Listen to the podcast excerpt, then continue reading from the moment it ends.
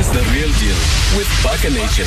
Monday to Friday, 12.30 to 3 p.m. True FM, like no one else. namhlanje kwi-youth movement we're talking about i-mine workers investment company uh, kusukela ngo-1997 ukuthi gangoku ke i-mic seyinikezele ngebursaries ezingange-590 kubantwana be-mine workers through the jb marks education trust fund so namhlanje sikunye naye i-ceo of mine workers investment company i-mic umary bomela to tell us more about that mary thank you so much for your time and welcome to the real deal on true fm Thank you, AJ.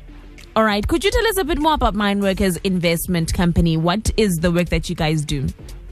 So the Mine Workers Investment Company is an investment company, as the name says. Um, we were started by the National Union of Mine Workers back in 1995, and um, so our work is to invest in um, suitable cash generative investments, so that we can then generate a profit, and those profits that we do make go towards the social projects um, of the beneficiary base that we've got.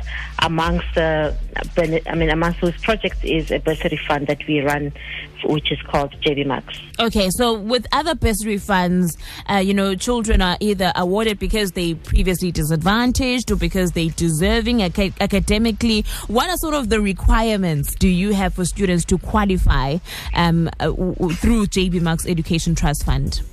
Our requirements are very simple. One is that you do need to have a metric um, with a result that would allow you to get into tertiary education.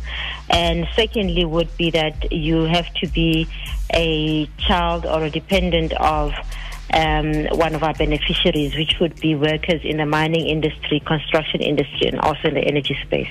All right. So, employment opportunities are there any available, um, or, or, or are there any conditions that say that you know you get a bursary and then after you get a bursary you study, you'll work for MIC or a mine company? Are there any conditions like that? No, not at this stage. So our, our bursary holders are very lucky in the sense that they are allowed to study for any degree um, or diploma that they want to study for. So we don't we're not even prescriptive in terms of what they want to study, where they want to study Wow. in the country. So as long as it's in South Africa, we will fund that.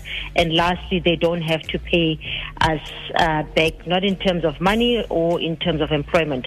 I think the only requirement that we do have for our graduates at the end is for them to plow back into the communities in which they come from, including being able to um, act as mentors for the students that come after them that are still in the in the system. All right. And any other you know CSI projects that you guys do at MIC that you'd like to highlight? So um, the profits of the MIC, I mean, it also includes. We also run a farming project that is based in um, Hazyview in um, uh, in um, Mpumalanga, and that is more. Uh, the reason why we chose that area was because it's a labor, what we call a labor sending area, where we find a lot of the mine workers come from that area, and we help um, small farmers to upscale them to a point where they become commercial farmers. So we help them with implements and um, training. Um, which also includes training on the drip irrigation methodology that we use, which increases the yield of um, the crop per square meterage. And from there, we also link them to market. So we've been working a lot with ShopRite and with Pick and Pay as access to market. So once they've got a produce, they can then sell it to market because it doesn't help you upskill a farmer from being a subsistence farmer to a commercial farmer, and yet they don't have access to market. Um, and we also then run a business incubator program together with RateCop out of Witbank. And again, um, Mpumalanga being a labor sending area. And again, the idea there is to upskill small businesses up to a scale where they can create employment and grow.